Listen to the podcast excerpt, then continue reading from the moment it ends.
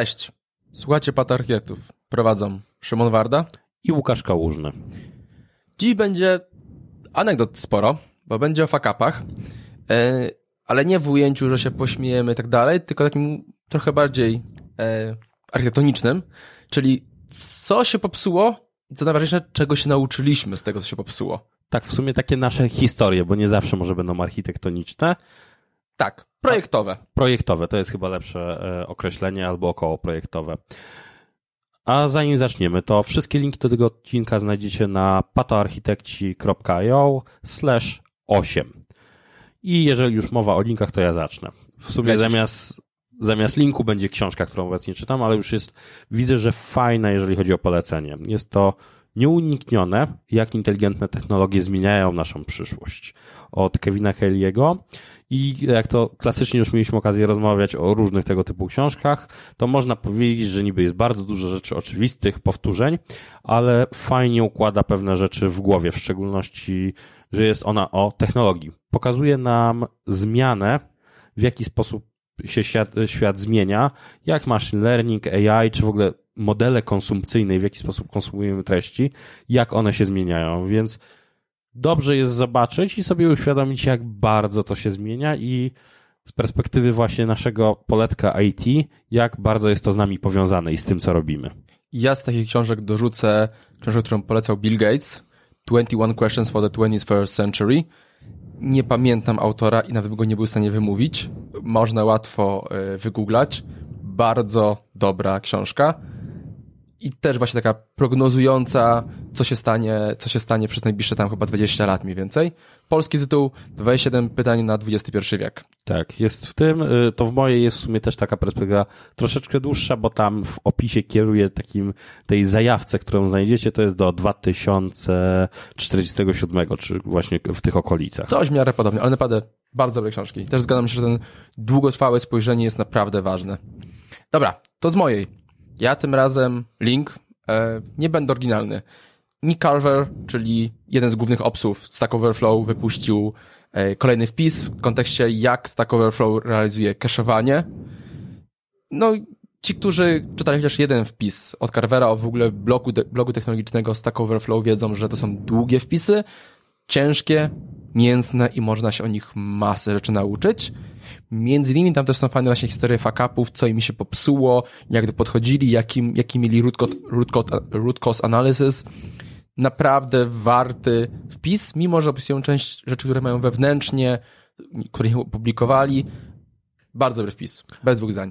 Ja z tego wpisu, jak Szymon mówi, że jest długi, to jedna rzecz, którą warto sobie wyciągnąć i zapamiętać, jest taka wizualizacja grafika, ile trwa jedna nanosekunda, i potem odniesienie do procesów, ile co trwa od właśnie nanosekundy do round tripu po całym świecie y, i fajne przyrównanie przyczyk do Microsoftu, y, ile trwa tam ilość redajektów i logowań do live, live.com bodajże. Tak. Jest... Dobra. Mieliśmy o fakapach, no to o nich zacznijmy. I z fakapami jest tak często, jak mówimy, że nasz kolega ma problem i pytamy się, co się stało. Najciężej mówi się o rzeczach, które się samemu popsuło. Więc, ale z wiekiem, a już ten wiek trochę mamy, przychodzi mówienie o rzeczach, które się samemu popsuło już łatwiej, więc od tego zacznijmy. Ja zacznę od tego, co kiedyś popsułem. Eee, co to było? Oczywiście, jak już pewnie niektórzy wiedzą, lubię Terraforma, ale kiedyś musiałem go nauczyć. No i będąc młodym deweloperem, może nie takim młodym, ale mimo wszystko, to było, stworzyłem środowisko, słucham Kaszu, w sumie młodym deweloperem, młodym użytkownikiem Terraforma lecącym na hype trainie jego wtedy. Tak. tak, jest to, jak zgadza się.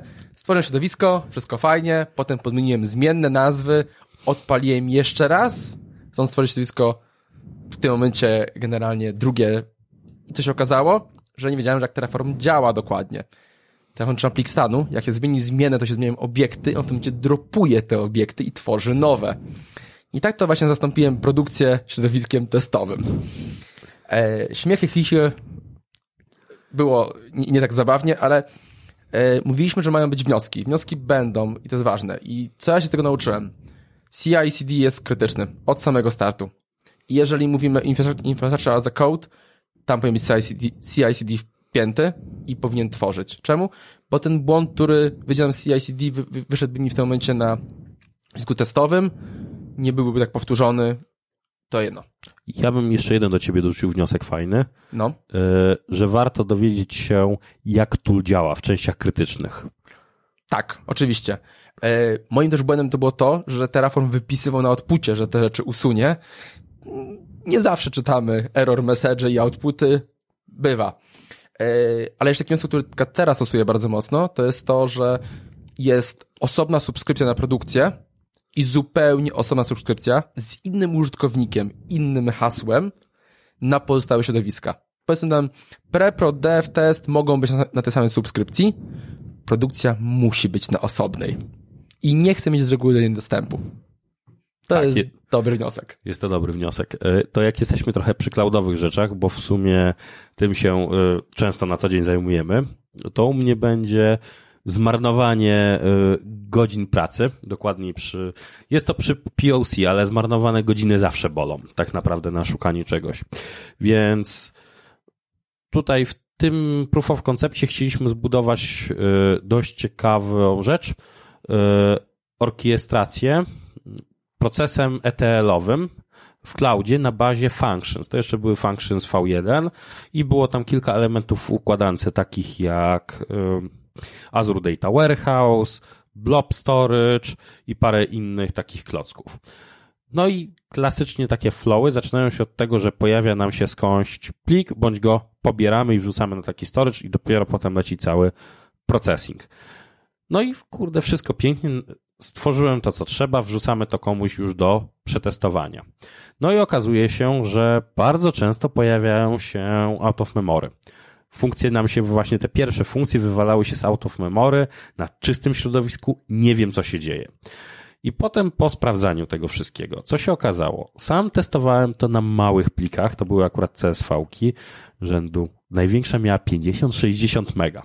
Yy, I co się okazało?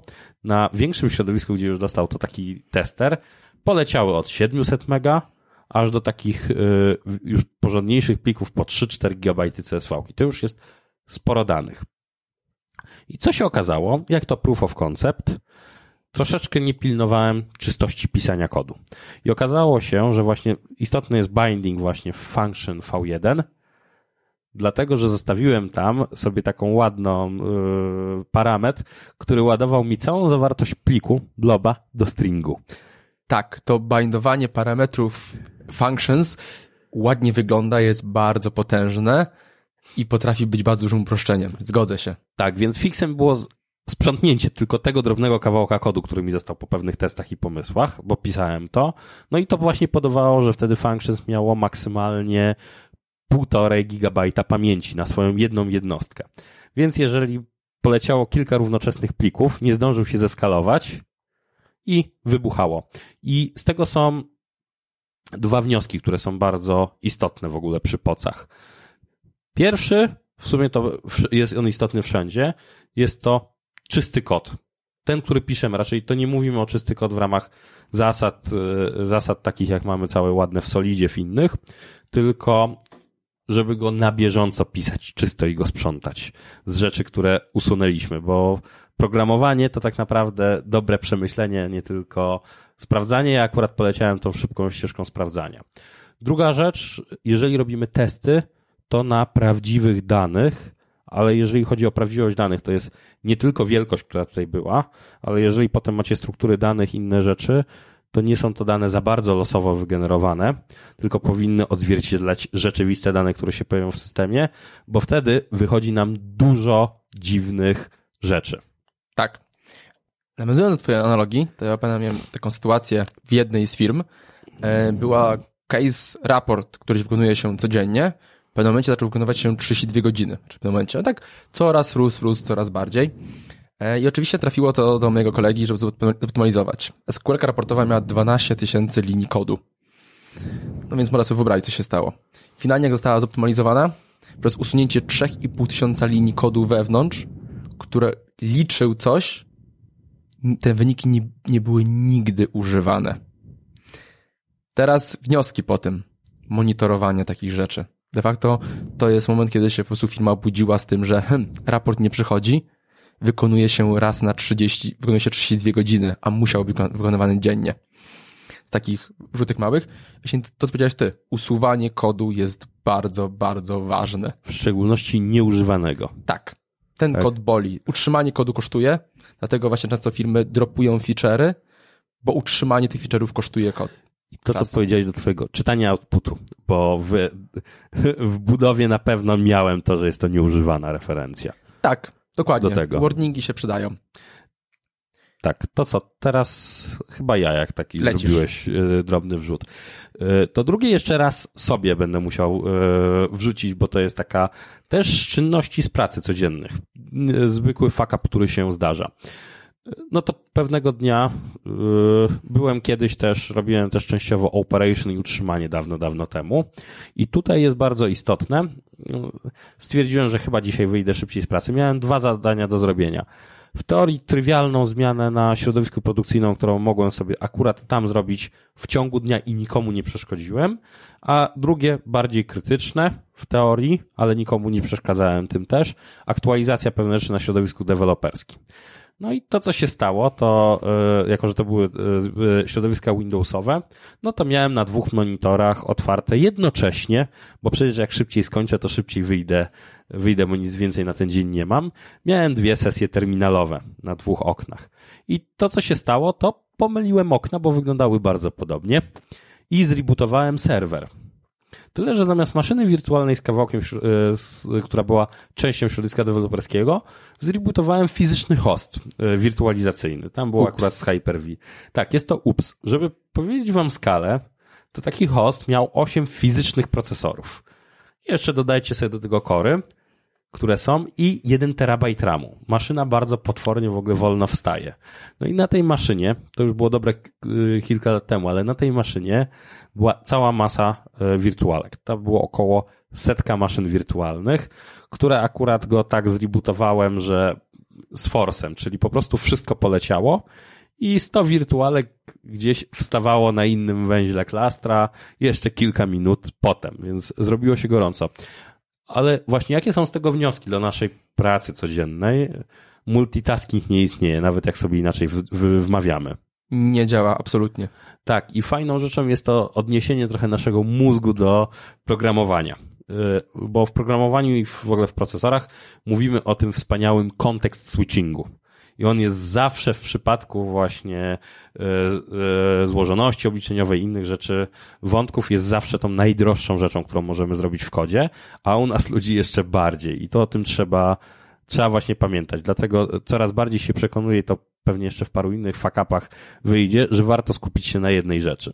Ja dorzucę jeszcze to, dobry zwyczaj, inne kolory tapet na różnych produkcyjnych. E, to też wdrożyłem, wiesz? To po tym wdrożyłem.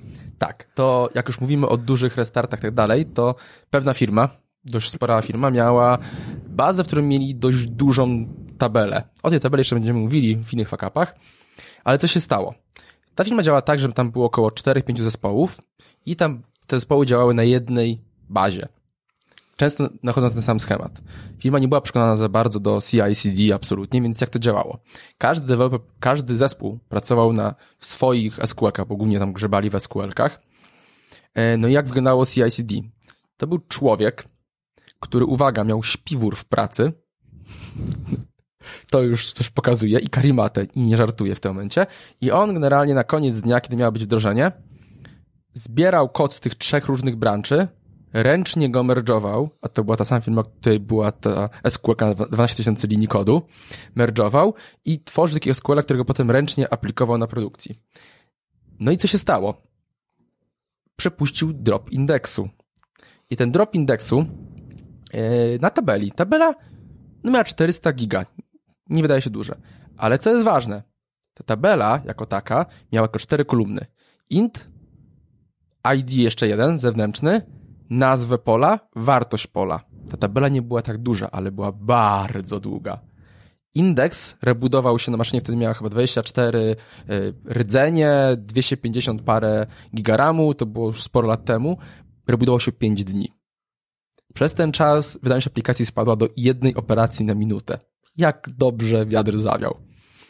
E, więc stopa była niezła. I teraz, co mnie to osobiście nauczyło? CICD wyłapałby to. E, kolejna opcja to jest to, że takie rzeczy miękkich. Są ludzie, którzy nie, są nieasertywni. Nie powiedzą nigdy nie. Można ich zajechać i oni się na wszystko zgodzą. Ale ci ludzie powodowali masę błędów. Człowiek zmęczony, sorry, nie wyłapie pewnych rzeczy. I ostatnie dla mnie, to mocno aplikuję, preprot jest bardzo ważny. Preprod, ale zgodny z produkcją.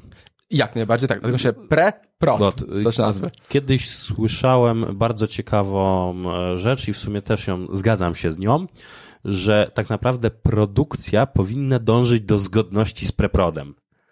Tak. Od strony konfiguracyjnej, e, od strony konfiguracyjnej tego, co jest, że przy każdym takim dużym release powinniśmy odkopiować sobie wszystkie dane i konfiguracje z produkcji, na nią wprowadzić zmiany i zobaczyć, co się stanie.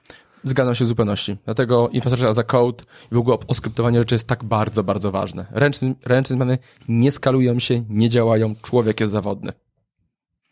Tyle. Co u ciebie? Dobra, to jak wspomniałem, byłem opsem yy, i teraz sytuacja z serii kabelków i innych dziwnych historii serwerowni i utrzymywania własnego data center.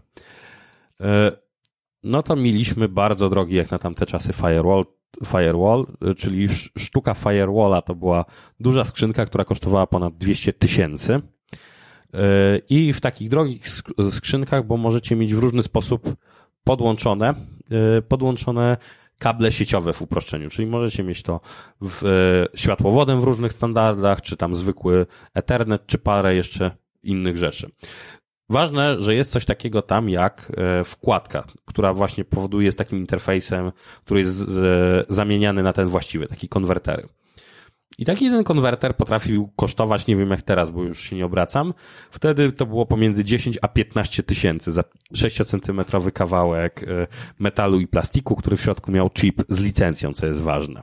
W zależności od typu. I tu było bardzo ważne, to był taki zwykły kabel ethernetowy, taki jak wy pewnie używacie na co dzień, jeżeli nie jesteście na e, Wi-Fi. Więc zwykła RJ45. No i ktoś kiedyś podczas jakichś prac delikatnie uszkodził tą wkładkę, czyli ona się tak, e, bo ona jest złożona z dwóch części, zaczęła się rozchodzić, więc jeżeli się delikatnie poruszyło kabel, to potrafił się rozłączyć. E, Klasycznie tam z pewnych przyczyn gwarancyjno-prokumentowych zostawiliśmy jak jest i naprawiliśmy go zipem. Takim zwykłą, jak to woli, e, opaską zaciskową, tudzież trytytką. Uwielbiam tą nazwę. Tak. Czyli podstawowy zestaw inżyniera. I teraz co było ciekawe? Czasami przy wystarczyło delikatnie poruszyć tym kablem i się potrafił rozłączyć w niewiadomym momencie, jeżeli ktoś tam delikatnie coś sprawdzał i robił. I co było ciekawe, jeżeli chodzi o monitoring? Użytkownicy w firmie są najlepszym monitoringiem internetu, ponieważ jeżeli, bo e, wkładkę ze względu na krytyczność, no przełożyliśmy do dostępu do internetu, bo nie było problemem. Firma, jeżeli to tam się rozłączyło na chwilę, firma mogła działać w teorii normalnie, ale jeżeli się rozłączyło, to helpdesk miał czerwone telefony, co się dzieje, bo nie ma internetu. No to przełożyliśmy to dla testu, do, było przełożone to dla testu do y, tak zwanej tam jednej strefy backendowej produkcyjnej, gdzie stały systemy, które są używane w firmie, wewnątrz firmy, nie ma dostępu ze świata.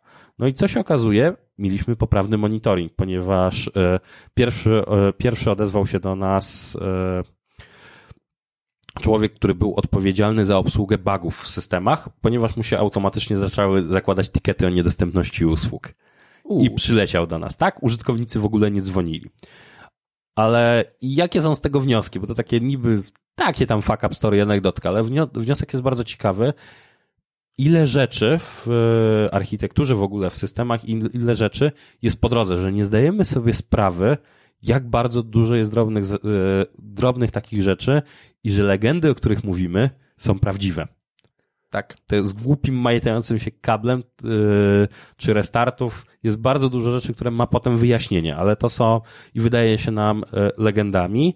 I dla mnie drugą rzeczą fantastyczną, yy, że chmura trochę tych legend usuwa, bo usługa jest niedostępna, albo jeżeli, yy, jeżeli są jakieś drobne, dziwne problemy, to możemy złożyć ticket i się one wyjdą. To jest też ciekawe. I nie bez przyczyny, na przykład w takim Azurze jest jeszcze przycisk redeploy na inny serwer. dostępny dla użytkownika końcowego. Więc Pomaga. Czasem. tak, wniosek, te legendy są prawdziwe. I trzeba czasem zrobić y, właśnie o tym, co powiedział Szymon. Czasem warto zrobić prawdziwe RCA, bo może wyjść, że ten reboot czy wet, wetknięcie kabla rozwiązywało coś, co jest tą niby legendą. E, Z takiej sytuacji jakiś był fajny wpis na blogu, gdzie właśnie ktoś podłączał, e, podłączając 20 kabel w switchu, powołał restart sieci. To się okazało, że 20 kabel był bardzo blisko przycisku restartu, więc jak, wchodzi, jak się wtykało właśnie tyczkę sieciową, to ona dotykała lekko przycisku restartu. Y, Słynne ten, słynne legendy kolegów jeszcze jak kompy biznesowe miały i zwykłe miały przycisk reset i kobiece szpilki. Że pani kopała szpilką, wtedy się restartowało. To Tak. trochę z, tej, z, ty, z tych stories. Dobrze, to ja mam jeszcze e, kolejną historię. E, Tym razem odpuścimy jednej firmie z dużą tabel, e, tabelą. Tym razem taka bardziej aplikacyjna sytuacja.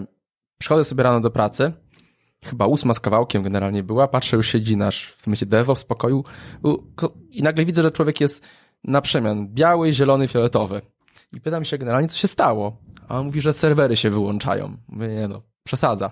Za- Zaglądam przez ramię, patrzę, a serwery się wyłączają. No, jak się trochę ponośmy sytuację, patrzymy, nagle pula aplikacji zaczyna się wyłączać. Maksymalne użycie pamięci po prostu i ciach, wyłączają się. Taka, taki typowy efekt e, piły do cięcia. Że rosną, rosną, pach, rosną, rosną, pach. Metodą przenoszeń aplikacji między pulami udało nam się dojść do jednej aplikacji, która się wywala. No i ona zachowuje się standardowo. Włącza się 0, 0, 0, 0, 20, e, 20 mega, potem do, rosła do mniej więcej 12 giga i wyłączała się. Out of memory leciało. No i teraz co się dzieje? Aplikacja nie ma żadnego ruchu. Żeśmy wyłączyli ruch HTTP, ona dalej się wywala. No to myślimy, co się może dziać. Patrzymy w logi. Nic. Patrzymy w y, metryki. Nic. No to zostaje co? Patrzymy w Event Viewera. Event Viewer okazało się generalnie, że aplikacja wyłączona z racji pamięci. Overflow. No co się dzieje? Co się okazało? Okazało się, że zespół miał zaimplementować masowe przyjęcie faktur. Jak to zrobili? Zrobili to naj- najprościej. Mieli gotowy kod do pojedynczej faktury, więc w forze zaczęli obsługiwać. Dlaczego prowadziło? W testach mieliśmy takie wiadomości rzędu 20 faktur, nie było problemu. Użytkownicy użyli wiadomości, które miały około 200 paru faktur. Teraz co się działo? Każde pobranie wyciągało też konfigurację, jak tą fakturę przetworzyć.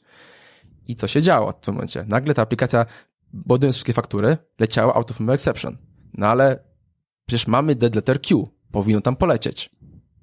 Ja zadałem pytanie, bo nasze dead letter Q używaliśmy wtedy N-Service Busa, warstwą transportu był SQL Server, a, czyli a klient nam obsługiwał właśnie dead letter Q. I teraz co jest problemem?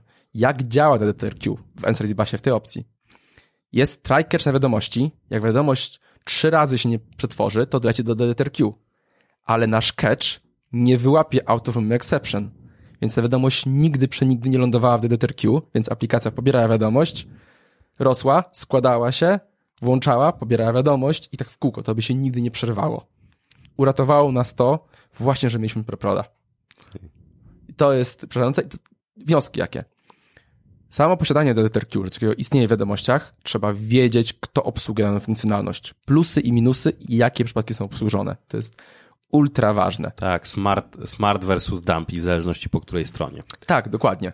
Bo niektóre czasami feature'y są, ale są udawane i nie zastąpią. Kolejna opcja to jest monitoring. Jest bardzo, bardzo, bardzo ważny. E, No i oczywiście ponownie, preprod jest naprawdę krytyczny i też to, co ty mówiłeś. Testowanie na realnych danych, bo deweloperzy nie wymyślą danych prawdziwych. Tak, to jest właśnie zawsze ten problem, realne dane.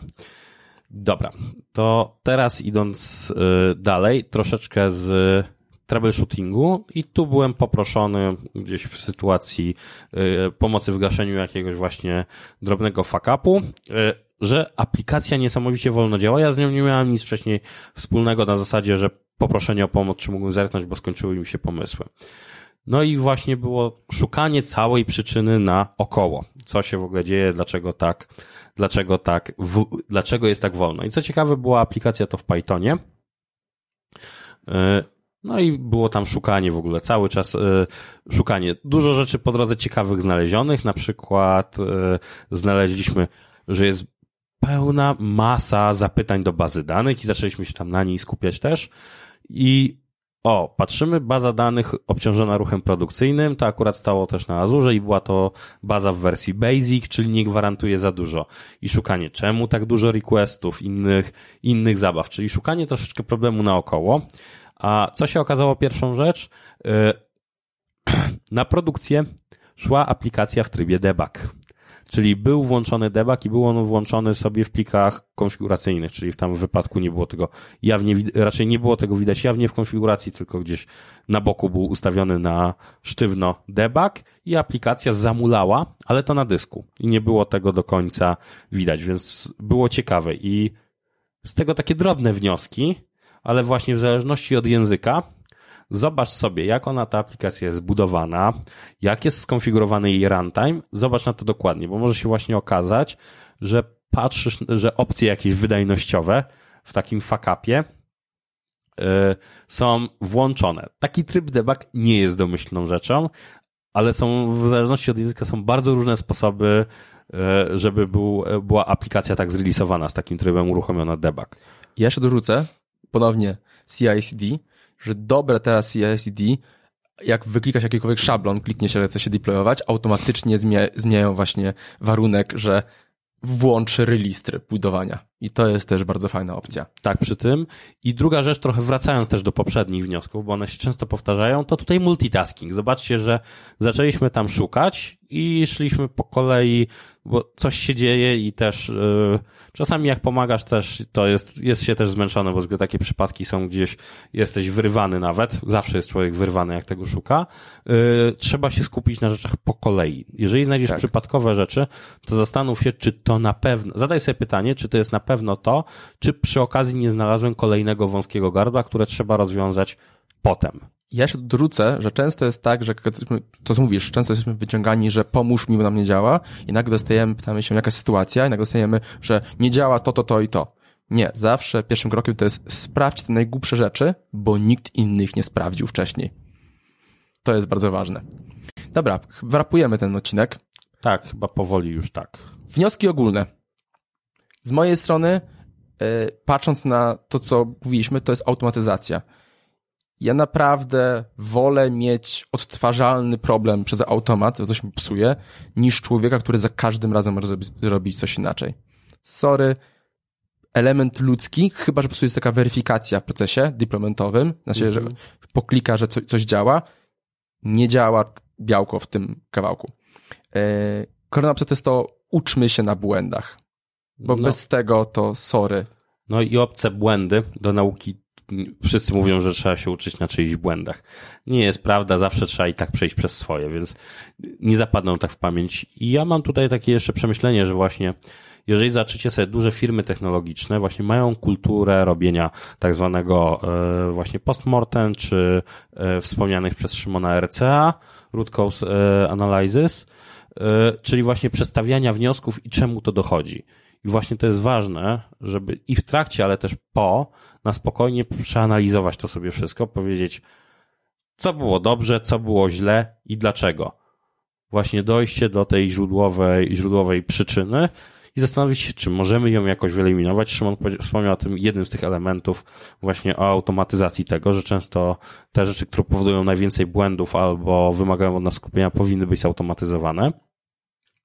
Y, I drugi ważny wniosek, czy fuck up jest on e, samodzielny czy grupowy, właśnie warto go dokładnie w ten czy w inny sposób przemyśleć na spokojnie, bez mówienia, kto był winny, czy coś takiego wytykania palcami, bo często niestety mamy tą mentalność wytykania to ty, to ty, to tamto, tylko spokojnie przeanalizować i dojść, co możemy w przyszłości poprawić, albo jakie mamy z tego wnioski, czego się nauczyliśmy. Tak, co my zrobiliśmy na zespole, to jest to, że jeżeli coś jest niejasne, to jest readme, zrobiłeś coś źle, popełniłeś błąd, ty update'ujesz readme, bo kolejna osoba dzięki temu będzie mogła mniej błędów. To jest fajny sposób na poprawę i ewolucję tego dokumentu, bo on będzie się starzał. Tak, w ten sposób tak, właśnie niektóre bazy wiedzy do większych systemów tak powstają na bazie błędów, które były. Tak, tyle. Kończymy. Kończymy. Dzięki wielkie. Dzięki, na razie.